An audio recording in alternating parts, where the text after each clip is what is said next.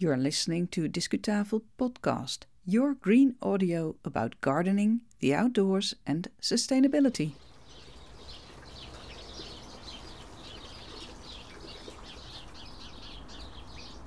It has been raining like this for ages, so it seems.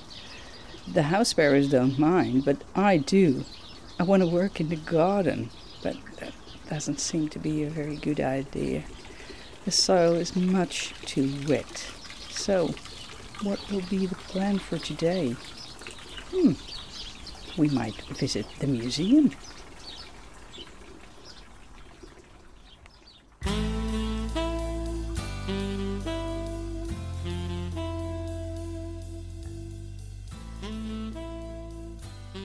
Hello again. This is episode number 164 of your green podcast, Discutafel. We released this episode on February the 29th, 2024. And as usual, you hear my voice, the voice of Ivonne Smit. As you may know, we release Dutch and English episodes of this podcast, and today you can listen to another episode in English. Let's delve ourselves into the British gardening like they, you, they used to be in former times we visit the Garden Museum in London. The galleries there tell the story of gardens in Britain from the 1600s until today. And I will point out several nice to know facts. I mean, do you happen to know which flowers a soldier with the name of George Moore collected in World War I? Or do you know who the so called weeding women were? Listen to our coverage, and in 12 minutes' time, you know the answers. Imagine yourself standing alongside the River Thames in London. Just behind you, on the other river bank, the recently restored Big Ben looks as impressive and familiar as always. But before you is a church. It's surrounded by trees and a small graveyard. You're walking to the entrance, and inside you hear people chatting. And somewhere upstairs there seems to be a movie going on. You're a presenter talking. Getting the picture? Well, follow me.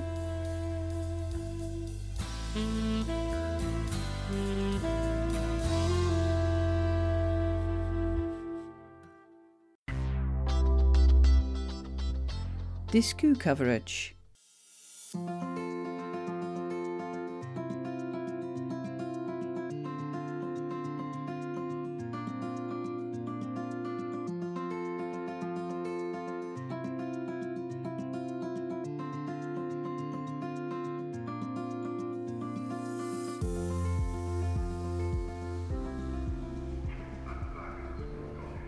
On Lambeth Palace Road, just across the River Thames, with a beautiful view on the Houses of Parliament and the famous Big Ben, is the Garden Museum. Its home is an old church, and in its museum are several exhibitions on gardens and gardening. King Charles III is the royal patron of the Garden Museum and I'm in front of a portrait of him now, and the portrait shows His Majesty at his desk in his study on the Balmoral estate. I can see an arrangement of massed flowers in this composition, and they came from the Birkhall Gardens on the Balmoral estate.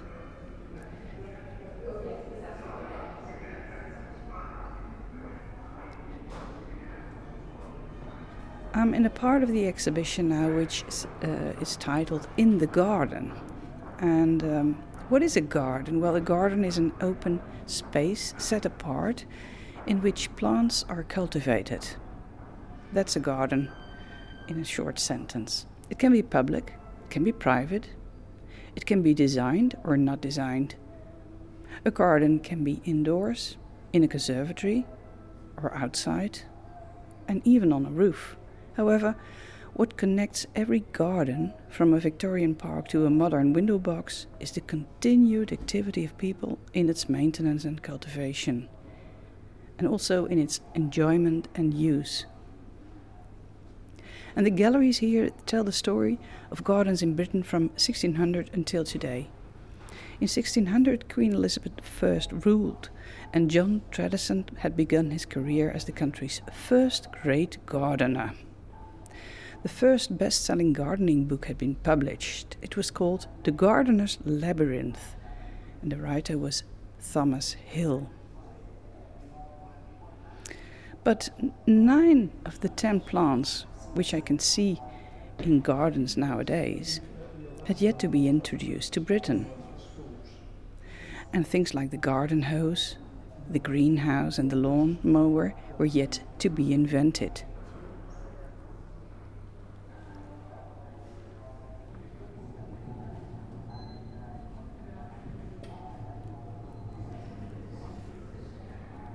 My right, I see a showcase with several um, journals, gardening journals, and photographs. And the first thing I see is a um, specimen of the Amateur Gardening for Town and Country. The Amateur Gardening magazine from 1899 it is. And it, it, the title was founded in 1884. It was the first magazine designed specifically for the amateur gardener. It was Britain's first gardening weekly and it is still published today.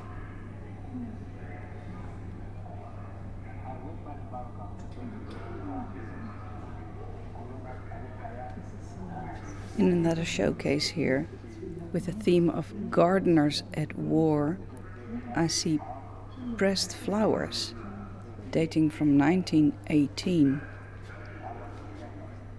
George Moore was a soldier serving on the Balkan front during the First World War, and he collected wild flowers and pressed them as a gift for his fiancée at home in Newcastle. I recognize here a papaver or field poppy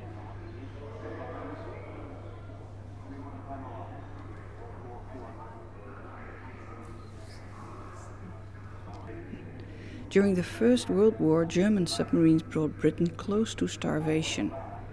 And by 1918, over a million plots had been dug in parks, gardens, and open land. By the Second World War, the government was prepared with a big Dig for Victory campaign and the Women's Land Army was recruited to replace male farmers and horticulturalists who had enlisted in the armed forces.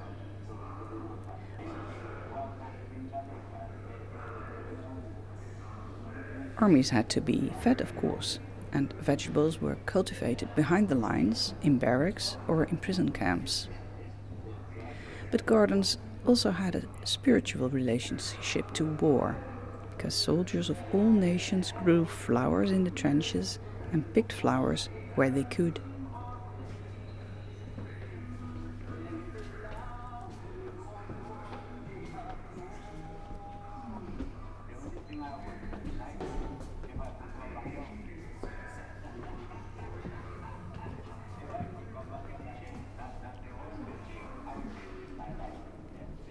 Here is a collection about private gardens, because uh, Britain has always been called a nation of gardeners, of course. And the private garden is a space we can make our own. Until the 19th century, a private garden was a privilege for the few. However, people of all backgrounds have always found ways of having flowers in their homes, from window boxes to bunches bought from the market.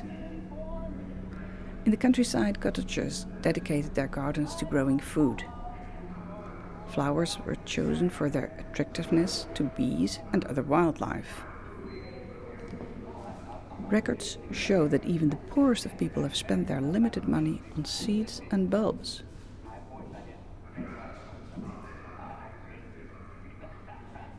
In the late 19th century, gardens increasingly became a place to play games, beginning with croquet and lawn tennis. Today, almost half of the adults stayed gardening as a favorite leisure activity. However, in cities, access to gardens, gardens is becoming increasingly limited for less privileged and often younger people. For example, here in Lambeth, the part of London where I'm now, where the Garden Museum is, green space per head has decreased by 20% in the last decade. Two thirds of residents do not have gardens of their own.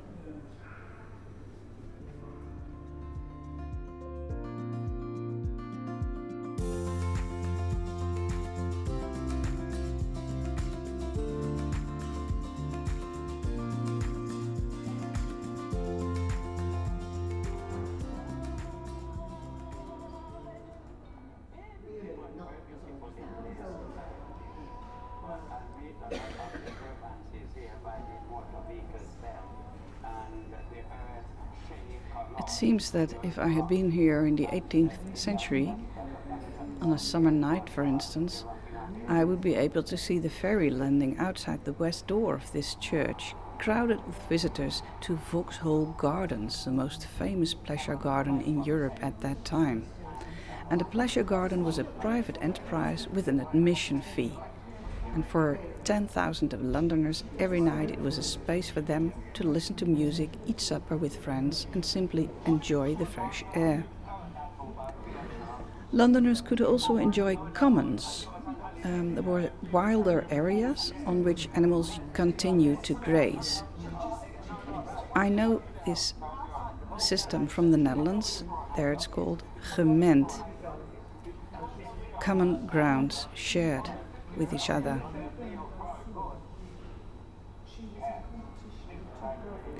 In the 19th century, the state determined to create urban parks for everyone, and one reason was their value to the health of the urban poor. And it was claimed that the first London park, that was Victoria Park, increased the life expectancy of East Londoners by three years.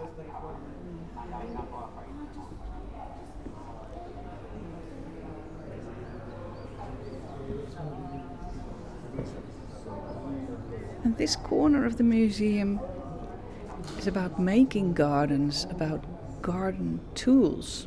Tools make the garden.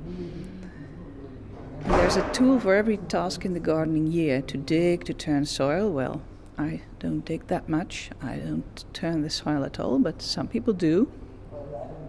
There are tools to plant, to protect seeds, to harvest, to prune, etc., etc. So we see lots of things here watering cans made of copper, made of plastic, lawn mowers.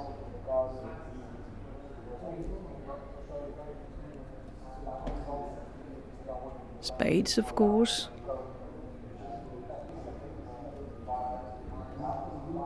Wheelbarrows. And also insecticides, slug death, killer powder, it says.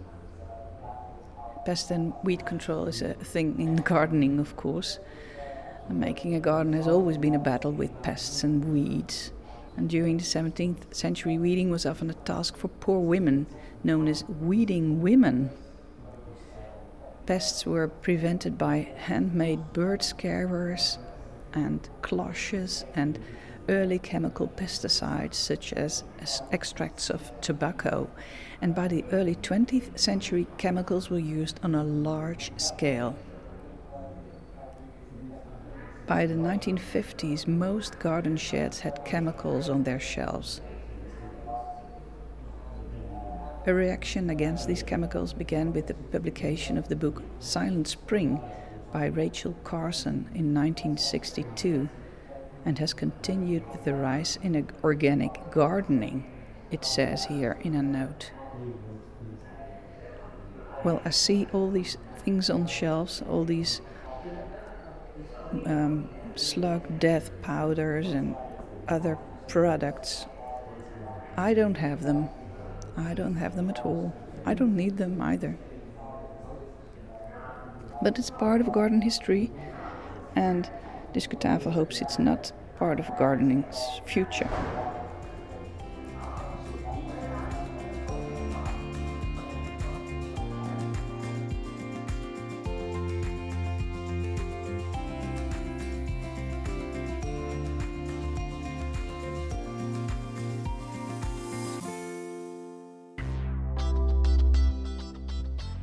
Discu finish.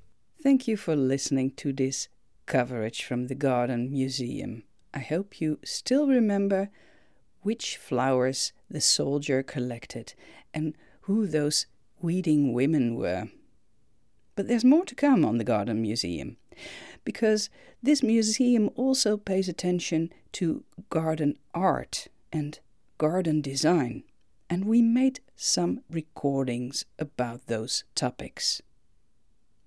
Please listen to another episode of Discutafel, in which I will show you around the galleries on garden art and garden design. And I promise you an exciting bonus item as well. This second Garden Museum episode is due to be released later in 2024, so please stay tuned. The next two episodes will be in Dutch again. They are part of a series about food forests.